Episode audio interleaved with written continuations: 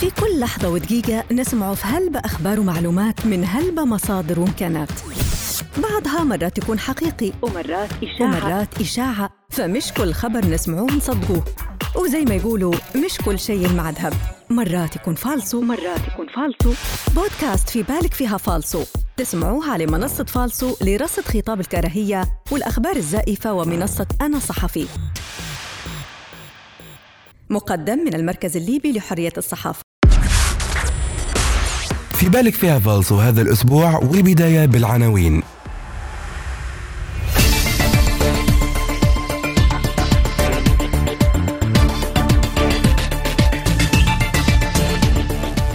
لماذا سافر خالد المشري مع قيادة عسكرية إلى تركيا؟ هل أصدر أردوغان تعليمات لوزارة الدفاع الليبية بعدم المشاركة في عملية صيد الأفاعي؟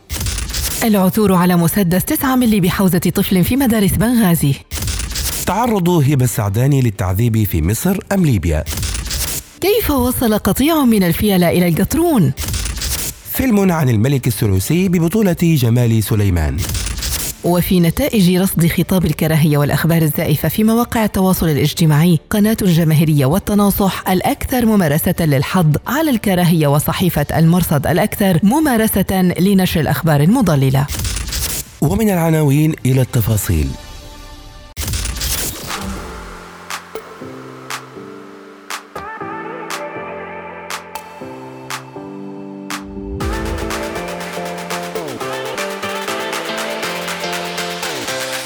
لماذا سافر خالد المشري مع قيادات عسكرية إلى تركيا؟ نقل موقع العين الإخبارية خبرا مفاده أن مغادرة رئيس المجلس الأعلى للدولة خالد المشري مع عدد من القيادات العسكرية إلى تركيا حيث تناول الموقع الخبر بتحليل صحفي على لسان خبراء ومحللين سياسيين والذين هم بدورهم تناولوا الخبر بتحليل يتضمن خطاب كراهية حيث عبروا عن آرائهم بجمل تتضمن اتهامات دون أدلة وتحريض وسب وتشهير وعند التحقق من الخبر عبر البحث العكسي تمكن فريق فالصو من الوصول إلى الصفحة الشخصية لرئيس المجلس الأعلى للدولة الذي نفى كافة الأخبار المتداولة حول سفره إلى تركيا مع عدد من القيادات العسكرية وأكد بأن هذا الخبر عار عن الصحة ولم نسافر مع أي وفد ولا علم لنا بهذا الوفد أو سفره إن حدث هل أصدر أردوغان تعليمات لوزارة الدفاع الليبية بعدم المشاركة في عملية صيد الأفاعي؟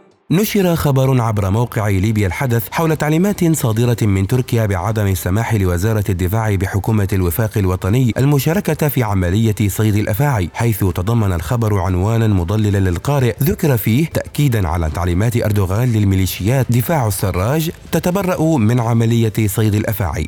أما تفاصيل الخبر المنشور عبر موقع ليبيا الحدث أخذت من صفحة وزارة الدفاع بحكومة الوفاق الوطني. ولم تتضمن التفاصيل أي نشر حول منع تركيا للوزارة المشاركة في تلك العملية. بعد التحقق من الخبر عبر البحث عن مصادر لتصريحات وزارة الدفاع بحكومة الوفاق تمكن فريق فاصو من التواصل مع مصدر مطلع بوزارة الدفاع وأكد المصدر أن دولة ليبيا دولة ذات سيادة وتتلقى تعليماتها من حكومة الوفاق بالمجلس الرئاسي وأن دولة تركيا دولة تربطنا بها اتفاقيات دولية تحترم سيادة الدولتين. كما أكد أن وزارة الدفاع ليست شريكا في عملية صيد الأفاعي ولكنها على استعداد للمشاركة في العملية متى أصدرت حكومة الوفاق التعليمات بذلك. ومن خلال الوصول للصفحة الرسمية لوزارة الدفاع ذكرت عبر تصريح لها في الصفحة أن الوزارة هدفها حماية الوطن وتوحيد جهود المؤسسات الأمنية والعسكرية في مكافحة الإرهاب والتطرف ومحاربي الإتجار بالبشر عبر حدودها. وأكدت أن كل من وزارة الدفاع وآمر المنطقة العسكرية الغربية إضافة لآمر المنطقة العسكرية بطرابلس بعدم اطلاعهم أو التنسيق المسبق معهم بخصوص ما يطلق عليه عملية صيد الأفاعي. العثور على مسدس 9 ملي بحوزة طفل في مدارس بنغازي. صفحة ليبيا 360 وهي مدونة شخصية يتابعها ما لا يقل عن 15843 شخص كما تحصلت على نسبة إعجاب تصل إلى 15223 وهي صفحة مخصصة لنقل الأخبار الاجتماعية المختلفة من جميع مناطق ليبيا حيث نشرت بتاريخ العاشر من يناير 2021 خبرا نقلته عن صفحة أخبار ليبيا العاجلة مفاده العثور على مسدس بحوزة تلميذ في الصف الثالث الابتدائي داخل أحد مدارس منطقة لفويهات ببنغازي. ومن دون التحقق من صحة الخبر وتاريخ انتشاره تنقلت منصات لمؤسسات إعلامية عدة الخبر وانتشر كالنار في الهشيم فيما بينها معلقة على الصورة بأنها الفوضى التي تعيشها ليبيا منذ أحداث 2011 ومن خلال عملية البحث العكسي عن الصورة وبعد البحث والتحقق تبين بأن الخبر قديم. وقد تناولته صفحة بوابة إفريقيا الإخبارية عبر الفيس منذ العام 2019 حيث نشرت عبر صفحتها الخبر كصور فقط دون التعليق عليها كما أنه نشر عبر صفحات عدة ليبية وأخرى تونسية من نفس السنة بتاريخ الثالث والعشرين من ديسمبر بمنطقة لفويهات ببنغازي. تعرض هبة سعداني للتعذيب في مصر أم ليبيا؟ نشرت صفحة جزائرية عبر تطبيق فيسبوك خبرا عن طفلة في الثامنة من عمرها تعرضت للتعذيب الشديد من قبل زوجة أبيها. أشير في الخبر بأن صورة طفلة تنقلتها صفحات اجتماعية ليبية عبر الفيسبوك والتي يقال أنها طفلة ليبية. بعد التحقق من مصداقية الصور لمعرفة إذا ما تنقلتها صفحات ليبية عبر الفيسبوك وعبر البحث تبين أن الصورة تعود لطفلة مصرية من قرية الشعراء بمحافظة دمياط بمصر. تدعى هبة السعداني وتبلغ من العمر 80 سنوات. حيث تعرضت للضرب والتعذيب والحرق من قبل زوجة أبيها قبل أن تهرب إلى جدها وتشكو ما حدث لها طيلة ثلاثة أيام كما وأن تاريخ الحادثة يعود إلى عام 2019 من شهر أغسطس وتبين عبر البحث أنه لا وجود للصورة عبر صفحات الفيسبوك الليبية. كيف وصل قطيع من الفيلة إلى القطرون؟ تناولت صفحة طموحات شاب ليبي خبرا عن ظهور قطيع من الفيلة في الجنوب الليبي وتحديدا بالقرب من مدينة القطرون. لقي المنشور رواجا وتفاعلا ضخما. 31 ألف إعجاب 7000 تعليق و508 مشاركة. استند الناشر على التشابه بين سلسلة جبال قريبة لتضاريس صحراء أكاكوس القريبة من غاث دون الانتباه للمسافة الشاسعة الصحراوية فهل بالفعل سوف يتمكن قطيع الفيل من قطعها؟ عند البحث عبر جوجل وفي أولى خطوات البحث عن صحة الخبر تبين أن هناك صفحة جزائرية قد نشرت هذا الخبر أيضا وادعت أن الفيلة ظهرت في منطقة أراك جبال هاجار بولاية تمندراست الجزائرية بتاريخ 10 يناير من هذا العام. لكن سرعان ما تم تكذيب الخبر عبر موقع TSA الإخباري الجزائري بتاريخ الحادي عشر من يناير من نفس العام.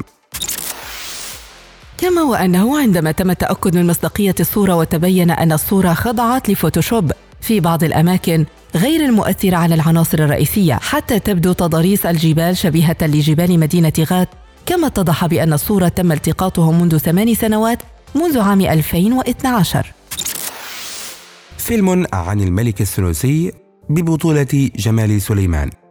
تداولت عديد من صفحات الفيسبوك ادعاء حظي بتفاعل واسع على وسائل التواصل الاجتماعي في ليبيا مفاده أن النجم السوري جمال سليمان يستعد لبطولة فيلم يجسد فيه دور إدريس السنوسي أول ملك ليبي ونقل بعضها الإدعاء عبر موقع قناة 218 TV. وبالتحقق من مضمون الإدعاء عبر محركات البحث وجدت منصة معا نحو الحقيقة في موقع قناة 218 TV وكذلك أخبار ليبيا 24 لكن بالمقابل وجدنا عدة تقارير في مواقع أخرى مثل بوابة الوسط وفسانيا وسوريا تي في. تؤكد أيضا أن جمال سليمان يستعد لتجسيد دور الملك السنوسي ولكن في مسلسل تلفزيوني وليس في فيلم سينمائي. وذكرت جميعها أن التصريح جاء عبر مقابلة معه في موقع صحيفة الشرق الأوسط في التاسع عشر من ديسمبر 2020 وبالبحث في الصحيفة وجدت المنصة تقريرا موجزا يؤكد أن سليمان سيقوم فعلا بتجسيد شخصية تاريخية جديدة في أعماله الدرامية وهو وصف يطلق على المسلسلات وليس الأفلام. ونقلت تصريحات حصرية لجمال سليمان نفسه أكد فيها أن المسلسل يتناول فترة حكم الملك إدريس السنوسي التي شهدت صراعا شعبيا للتحرر من الاستعمار الإيطالي مضيفا أن العمل يلقي الضوء على التاريخ لكنه أيضا يشبه الوضع الراهن في العالم العربي. وعند النقر على خانة المزيد أسفل المقال ظهرت مقالة أكبر تضم الحوار الكامل مع جمال سليمان. قال فيها المسلسل كتبه فاضل عفاش ويخرجه إلياس بكار وسيجري تصويره في تونس. وأكد أن تجسيد الشخصيات التاريخية لا يعني تقليدها بل تجسيد روحها والفيصل فيها هو التعبير عن روح الشخصية. وبالتالي فالادعاء زائف جزئيا. وإلى نتائج رصد خطاب الكراهية والأخبار الزائفة في مواقع التواصل الاجتماعي. قناة الجماهيرية والتناصح الأكثر ممارسة للحظ على الكراهية وصحيفة المرصد الأكثر ممارسة لنشر الأخبار المضللة. توصل المركز الليبي لحرية الصحافة إلى هذه النتائج بعد إجراء عمليات رصد واسعة النطاق. استهدفت 15 وسيلة إعلامية ليبية تمت مراقبة مواقعها الإلكترونية وصفحاتها على فيسبوك على مدار 24 ساعة متواصلة لمدة ستة أشهر. بدءا من الأول من يناير وحتى 30 من يونيو للعام الماضي 2020 حيث نلاحظ من خلال هذه النتائج أن شهري مارس وأبريل كانا الأعلى في معدلات ارتكاب المخالفات المهنية بعدد تكرارات تجاوز الخمسة آلاف. قناة الجماهيرية هي الأكثر ارتكابا لخطاب الكراهية بنسبة 13% تليها قناة التناصح وصحيفة المرصد بنسبة قاربت الأحد عشر بالمئة وهما الأكثر ارتكابا لبث الإشاعات والأخبار المضللة. تأتي قناة فبراير وموقع أخبار ليبيا 24 بالمرتبة الثالثة بنسبة قاربت العشر بالمئة تليها باقي وسائل الأعلام. التحريض والسب والتشهير هي أكثر أنواع خطابات الكراهية استخداما في مواقع التواصل الاجتماعي بلغت نسبتها التسعة وستين بالمئة. ما يعني أن غرف الأخبار تتعمد ارتكاب مخالفات مهنية كالوصم والتنميط والتشهير بالآخرين. فضلا عن عدم الدقة والموضوعية في تغطية النزاعات المسلحة بنسبة بلغت الثلاثة عشر بالمئة. يليها تصنيف الأخبار الزائفة حيث أن المحررين أو الصحفيين ومنتجي الأخبار يتعمدون بشكل واضح توجيه الاتهامات دون أدلة لخصومهم السياسيين بنسبة بلغت الثمانية وأربعين بالمئة. في المقابل هناك العديد من الأشكال الصحفية التي تستخدم في خطاب التحريض ونشر الأخبار الزائفة. الخبر أو التقرير الإخباري المكتوب بنسبة بلغت 49% بالإضافة للصور والفيديوهات بنسبة بلغت الثلاثة عشر بالمئة. تليها النشرات الإخبارية والتقرير المرئي بنسبة قاربت التسعة بالمئة. في المجمل تظهر نتائج الرصد الذي يجرى لأول مرة في ليبيا على مواقع التواصل الاجتماعي أن معدلات ارتكاب خطابات الكراهية أعلى بكثير من نشر الأخبار الزائفة. من هي الأطراف التي تصدر خطاب الكراهية لتجعل مواقع التواصل الاجتماعي مشحونة بالحقد لتتناقل رسائل الكراهية كالنار في الهشيم؟ توضح لنا عمليات الرصد أن غرف الأخبار محررين صحفيين منتجين. هم المسؤولون الأولون على نشر الكراهية والأخبار الزائفة بنسبة بلغت الواحد وخمسين بالمئة. يليها ممثلو قوات الجنرال خليفة حفتر بنسبة بلغت اثنتي عشرة بالمئة. وهم المتهمون بترويج الأكاذيب وخطابات الكراهية. ومن ثم ممثلو قوات حكومة الوفاق الوطني بنسبة بلغت عشرة بالمئة. ولا ننسى الناشطين والمحللين السياسيين الذين يتصدرون شاشات التلفزيون بنسبة بلغت السبعة بالمئة والقائمة لا تزال طويلة من هم أكثر الجهات استهدافاً ولماذا يتم استهدافهم؟ توضح لنا عمليات الرصد المعقدة أن قوات الجنرال خليفة حفتر هي الأكثر استهدافا في الإعلام بنسبة بلغت الثلاثة وثلاثين بالمئة تليها قوات حكومة الوفاق الوطني بنسبة بلغت السبعة وعشرين بالمئة أي أن طرفي الصراع في ليبيا هم الأكثر ترويجا لخطاب الكراهية والأكثر استهدافا بخطاب الكراهية. قد تبدو المعادلة غير واضحة إلا أن السبب يعود لملكية وانحياز وسائل الإعلام لطرفي النزاع. إذا أيا كان الخطاب الذي تتحدث به وسائل الإعلام المختلفة أو الحسابات والمنصات بمواقع التواصل الاجتماعي؟ حتما له عواقب وخيمة بالمجتمع الليبي المنهك بخطابات الكراهية والتحريض على العنف فحرية التعبير لا تعطي الحق بممارسة التنمر أو الوصم لأن الحرية تقابلها المسؤولية المهنية لمجابهة خطاب الكراهية فعلينا التصدي جميعا لها. وبهيك نكون وصلنا لنهاية بودكاست في بالك فيها فالصو هذا الأسبوع. ما تنسوش تزوروا صفحتنا على فيسبوك منصة فالصو لرصد خطاب الكراهية والأخبار الزائفة وموقعنا الإلكتروني فالصو dot LY وحتى حسابنا على إنستغرام وتويتر فالصو dot LY.